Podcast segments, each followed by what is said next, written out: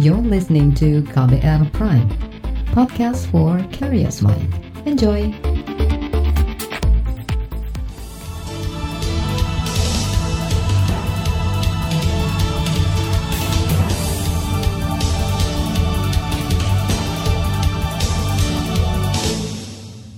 Selamat pagi saudara, KBR menjumpai Anda melalui program Buletin Pagi edisi Rabu 27 Mei 2020 bersama saya, Reski Mesanto. Informasi terkini untuk pagi ini di antaranya, Presiden Jokowi mulai persiapkan kehidupan normal baru selama pandemi, Kementerian Perhubungan perketat masuknya warga ke Jakarta dan harga gula di NTB belum stabil. Saudara, inilah Buletin Pagi selengkapnya. Terbaru di Buletin Pagi. Presiden Joko Widodo mulai mempersiapkan prosedur kehidupan baru atau new normal di tengah pandemi COVID-19 yang belum tuntas. Kemarin Jokowi meninjau kesiapan manajemen Mall Sumarekon Bekasi, Jawa Barat. Peninjauan ke setiap gerai di dalam mall itu untuk memastikan protokol kesehatan diberlakukan secara ketat. Pada uh, siang hari ini saya datang ke Kota Bekasi, Provinsi Jawa Barat untuk memastikan pelaksanaan kesiapan kita dalam menuju ke sebuah tatanan baru, ke sebuah normal yang baru. Kita ingin TNI, Polri ada di setiap keramian-keramian untuk lebih mendisiplinkan masyarakat agar mengikuti protokol kesehatan yang telah kita sepakati lewat PSBB. Dalam kunjungan itu, Presiden Joko Widodo didampingi Gubernur Jawa Barat Ridwan Kamil dan Wali Kota Bekasi Rahmat Effendi. Menurut Jokowi, percobaan new normal di Bekasi dilakukan karena kurva RO atau jumlah orang terpapar COVID-19 sudah di bawah satu persen. Presiden mengatakan dalam satu minggu ke depan akan dilakukan evaluasi dari penerapan aktivitas new normal di Bekasi. Saudara Panglima TNI Hadi Cahyanto memastikan pasukan TNI Polri siap bertugas untuk mendisiplinkan masyarakat dalam melaksanakan protokol kesehatan pencegahan COVID-19. Ribuan pasukan bakal bertugas di 1.800-an titik di 4 provinsi dan 25 kabupaten kota. Hadi menyampaikan hal itu saat mendampingi Presiden Joko Widodo meninjau kesiapan penerapan prosedur standar normal baru di sarana publik. Pendisiplinan protokol kesehatan pertama harus seluruh masyarakat kita awasi supaya tetap memakai masker. Yang kedua, masyarakat dalam kegiatan juga harus menjaga jarak aman. Dan yang ketiga, kita siapkan tempat mencuci tangan atau alat sanitizer. Mudah-mudahan dengan kegiatan ini tahap pertama bisa berjalan dengan baik. Tahap pertama akan kita atur, contohnya adalah mall yang kapasitasnya 1000 mungkin akan kita izinkan untuk 500 saja dan kita awasi. Panglima TNI Hadi Cahyanto menambahkan tahap pertama pelibatan TNI Polri untuk mendisiplinkan masyarakat berada di empat wilayah, yaitu DKI Jakarta khususnya di Bundaran HI, Bekasi Jawa Barat, Sumatera Barat, dan Gorontalo. Hadi memperkirakan ada 30 sampai 40 ribu personel TNI Polri yang diterjunkan untuk mendisiplinkan masyarakat menerapkan protokol kesehatan supaya tidak tertular virus corona. Sementara itu, Saudara Pengurus Besar Ikatan Dokter Indonesia atau IDI meminta pemerintah mempertimbangkan syarat-syarat penerapan new normal atau era normal baru. Ketua Satgas COVID-19 IDI, Zubairu Jurban mengatakan, pemerintah bisa melonggarkan pembatasan sosial berskala besar atau PSBB kalau angka kematian pasien positif COVID-19 berturut-turut turun, beban rumah sakit berkurang dan rapid test masif semakin banyak. IDI meminta pemerintah mendisiplinkan masyarakat agar kurva penularan COVID-19 landai. Nah ini kan masalah disiplin. Belajar dari pengalaman yang lalu, baik mengenai pasar-pasar di Bogor, pasar di Tanah Abang, pasar di Jawa Timur, kemudian di Airport uh, Halim, kemudian juga di baik di kan artinya masyarakat memang belum begitu paham, kurang disiplin. Nah, karena itu persiapannya harus mendisiplinkan masyarakat. Karena itu saya kira tepat sekali bahwa Presiden menginstruksikan bahwa aparat keamanan, polisi dan TNI ikut aktif untuk menjaga agar masyarakat tetap menerapkan sekarang ini PSBB dan kemudian setelah itu menjaga supaya new normal dilaksanakan dengan baik. Ketua Satgas ID Zubairi Jurban mengingatkan new normal atau era normal sama saja dengan PSBB. Hanya saja masyarakat sudah boleh bekerja, bepergian, sekolah, berbelanja ke mall dan makan di restoran dengan penerapan protokol kesehatan yang ketat.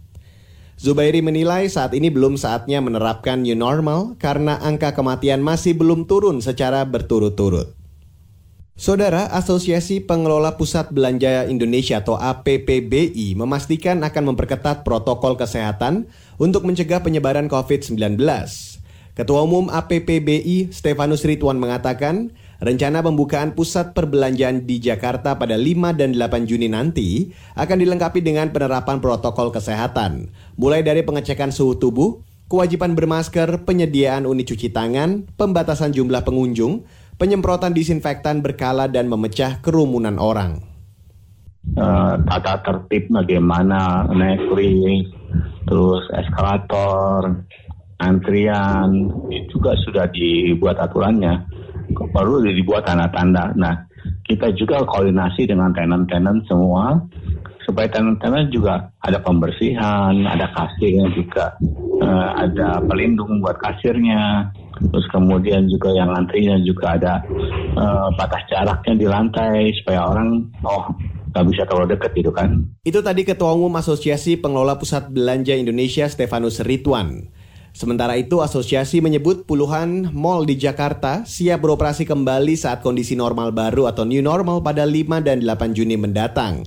Sejumlah mall yang siap beroperasi antara lain ITC Roximas, Plaza Blok M, Tamini Square, Grand Indonesia, Sumarekon Mall Kelapa Gading, dan Sunter Mall. Saudara, Polri tegaskan belum ada laporan dari KPU tentang peretasan data pemilih. Informasinya usai jeda, jadi tetaplah bersama kami di Buletin Pagi KBR. You're listening to KBR Pride, podcast for curious mind. Enjoy!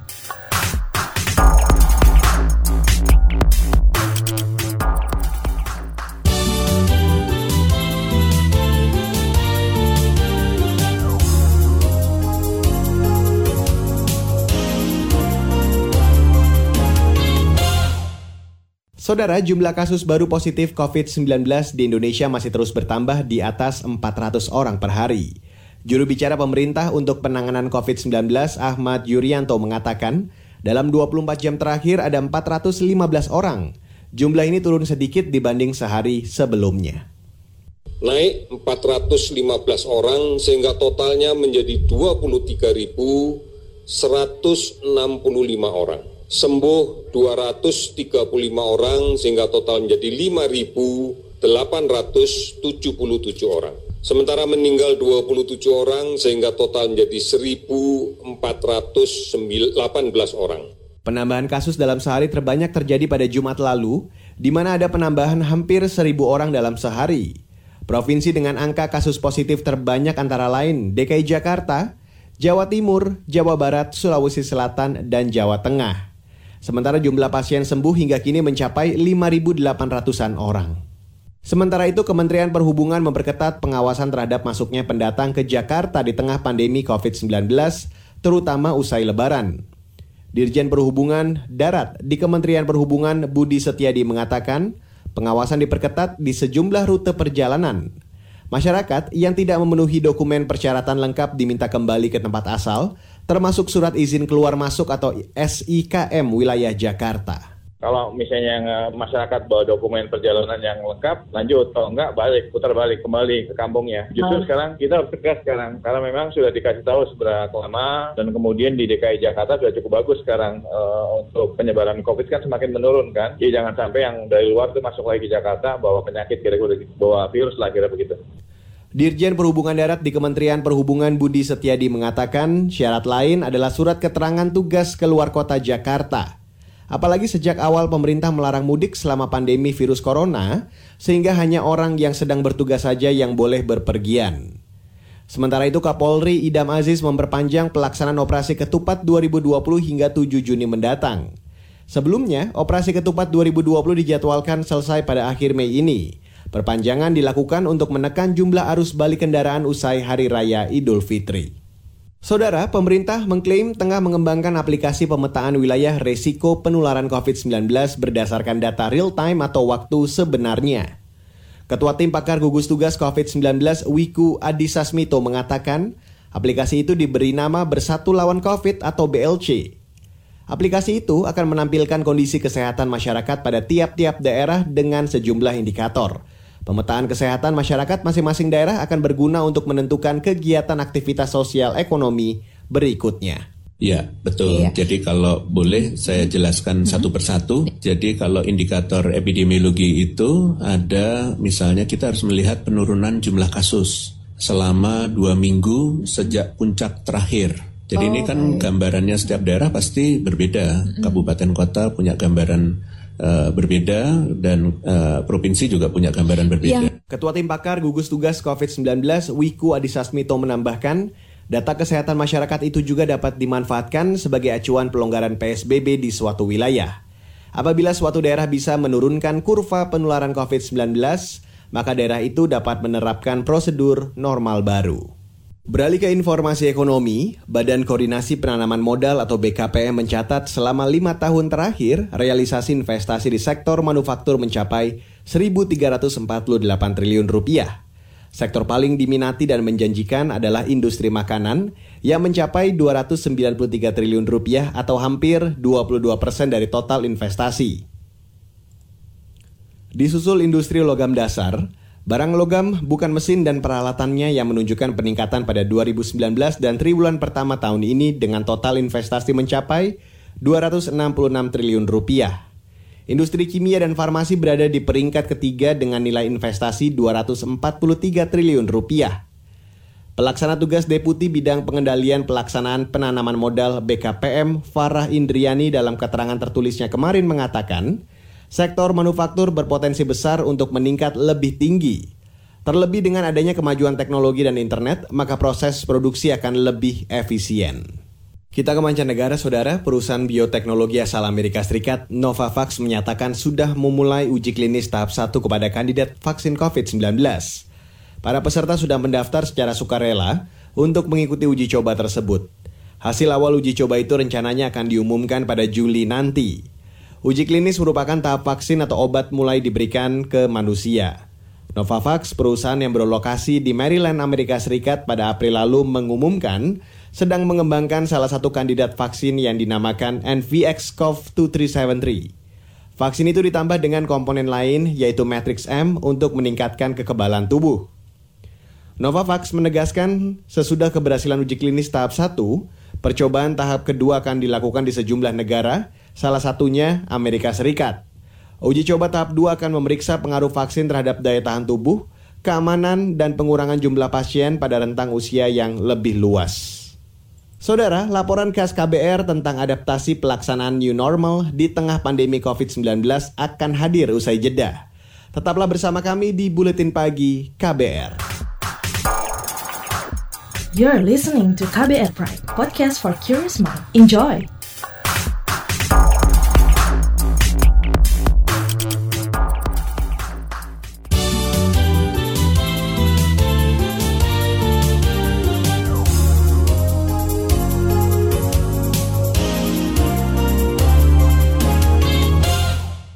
Anda masih mendengarkan Buletin Pagi KBR bersama saya, Reski Mesanto.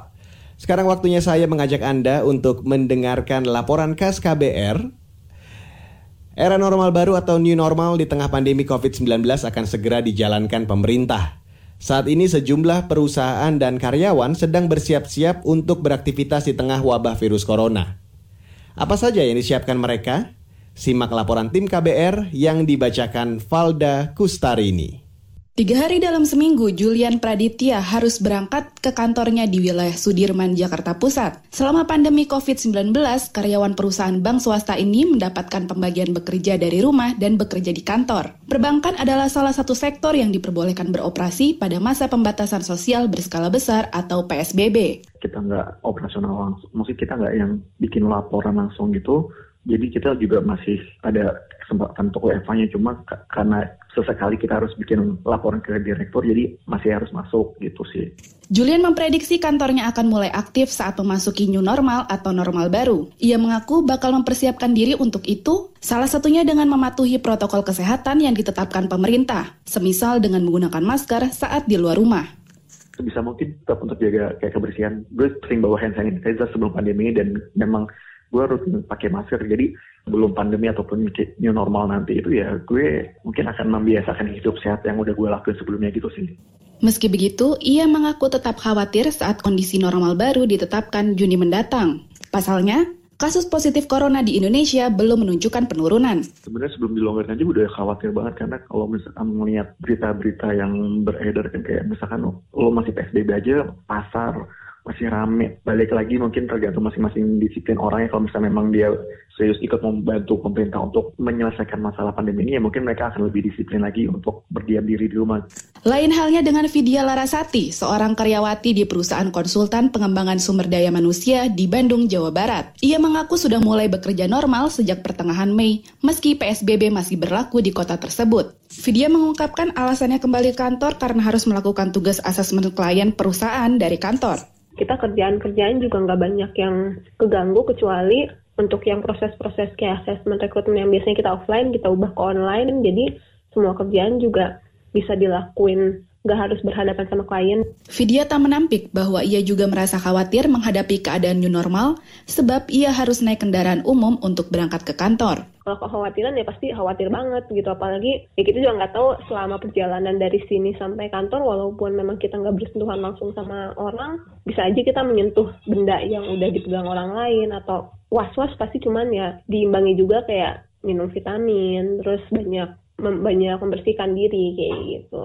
Di masa transisi menuju normal baru, Vidya mengungkapkan banyak karyawan yang sudah sadar pentingnya pemberian jarak antar karyawan, sehingga tidak ada penumpukan orang di tempatnya bekerja. Selain itu, terkait pekerjaannya sebagai konsultan SDM, ia mengatakan masih harus beradaptasi dengan pekerjaannya yang baru dengan meminimalisir kontak atau bertemu dengan klien job desk aku kan banyaknya emang ngurusin kayak rekrutmen, proses rekrutmen, proses proses yang wawancara yang harus berhadapan langsung sama orang lain. Selama sebulan terakhir kan sebenarnya kita udah menjalankan hal kayak gitu. Cuman emang masih banyak banget hambatan-hambatannya gitu, banyak banget yang kendala terus ya jauh lebih ribet daripada ketemu orang langsung gitu. Namun bagi Yunita Prima, keadaan new normal tidak akan berbeda dengan kondisi sehari-hari saat ini. Pasalnya karyawan yang bekerja sebagai staf penelitian dan pengembangan PT Kasens Indonesia tetap masuk normal meski di tengah pandemi COVID-19 karena aku dari kemarin WFO ya sama aja ya. Kalau nanti PSBB udah mulai nggak ada, berarti kemungkinan nanti kantor akan kembali ramai, terus bakal ketemu orang banyak lagi kayak biasanya. Ya paling kitanya sendiri sih yang prepare, tetap jaga kebersihan, tetap cuci tangan, tetap pakai masker. Untuk meningkatkan pencegahan terjangkit virus corona, karyawan perusahaan di bidang kimia ini tidak segan membuat desinfektan sendiri besok kayaknya mau mulai bawa spray isi desinfektan sendiri. Jadi kalau misalnya uh, harus ke supermarket mungkin nyemprot-nyemprot uang juga kayaknya kayak orang-orang. Tapi itu kalau mendesak banget sih. Keadaan new normal akan diberlakukan menyusul diterbitkannya surat edaran Menteri Kesehatan soal protokol pencegahan penularan COVID-19 di tempat kerja sektor jasa dan perdagangan dalam mendukung keberlangsungan usaha. Aturan ini antara lain akan mengatur hal-hal yang diperbolehkan dan dilarang saat kondisi new normal. Kalangan pengusaha mendukung surat edaran tersebut. Namun Ketua Asosiasi Pengusaha Indonesia atau APindo, Haryadi Sukamdani, tetap khawatir akan kontrol kesehatan di area kerja umum. Ya, tapi yang sebetulnya yang paling problem itu justru yang di luar daripada perusahaan. Karena kontrolnya itu kan, ya kalau masyarakat kan lebih repot. Insya Allah pasti bisa disesuaikan lah. Walaupun juga banyak hal ya. Itu ya kayak 4-5 tahun itu yang belum tahu kejelasannya gimana. Yang saya dengar itu hanya untuk yang shift ketiga. Apa betul nggak tahu ini belum terkonfirmasi. Demikian laporan yang disusun tim KBR saya Valda Kustarini. Saudara, informasi dari daerah akan kami sajikan usai jeda. Tetaplah di Buletin Pagi KBR. You're listening to KBR Pride, podcast for curious mind. Enjoy!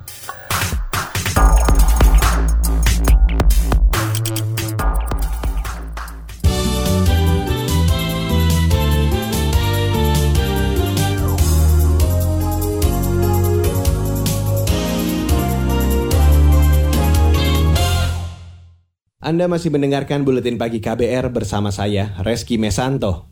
Dan inilah bagian akhir Buletin Pagi KBR edisi hari ini. Kita ke Nusa Tenggara Barat, harga gula pasir di Nusa Tenggara Barat masih tinggi, meski sekitar 300 ton gula pasir impor sudah digelontorkan ke pasar. Kepala Dinas Perdagangan NTB Fatur Rahman mengatakan, meski sudah ada gula pasir impor, tapi harga gula masih berkisar Rp16.000 per kilogram. Ia menyebut kondisi itu terjadi karena operasi pasar masih belum terlaksana secara efektif. Operasi pasar untuk gula ini memang kan sudah uh, dilakukan. Tapi memang baru terbatas ya karena beberapa tempat artinya beberapa kabupaten juga terkendala karena apa sumber dayanya ya yang akan bekerja di dalam itu sehingga kita uh, mungkin hari-hari uh, ini dan ke depan ini fokus kepada bulog ya yang sudah ada ininya. Kemudian juga kita juga membantu dari sisi operasional pasar di titik-titik yang memang bisa dilakukan. Kepala Dinas Perdagangan NTB Fatur Rahman menambahkan, banyak pedagang tidak menggubris himbauan agar menjual gula pasir sesuai harga eceran tertinggi, yaitu Rp12.500 per kilogram. Karena itu Satgas Pangan NTB akan melakukan tindakan tegas kepada distributor dan retail yang menjual gula pasir dengan harga tinggi. Kita ke Jambi, saudara, 10 pasien karantina di Geraha Lansia Kota Jambi melakukan protes ke petugas karantina. Para pasien mempertanyakan hasil pengambilan sampel swab mereka yang tidak kunjung diumumkan, padahal mereka sudah dikarantina selama 10 hari. Beberapa pasien mengancam akan melakukan tindakan anarkis kalau tidak kunjung ada kabar hasil swab.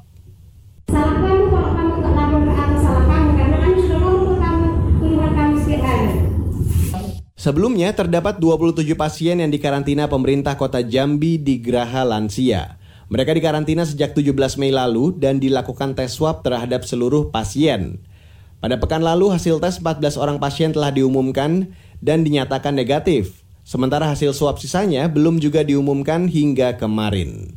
Kita ke Jawa Timur, kepolisian Magetan menyita balon udara berukuran besar tanpa awak yang nyaris membakar rumah warga dan membahayakan penerbangan.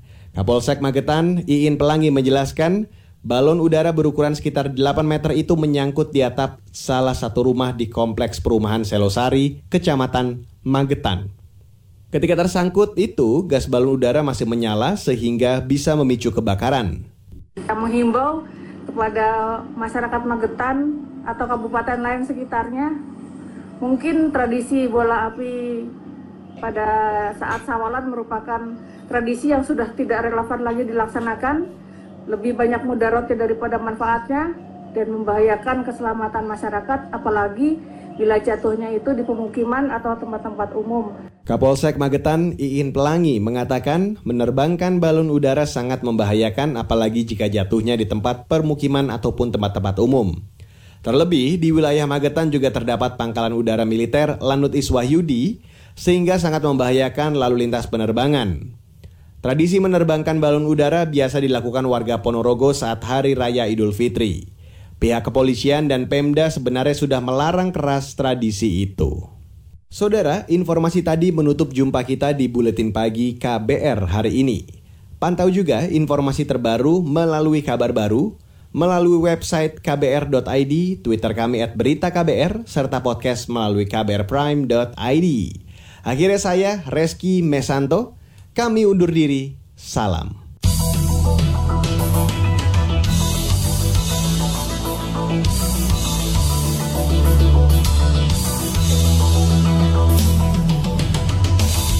KBR Prime, cara asik mendengar berita.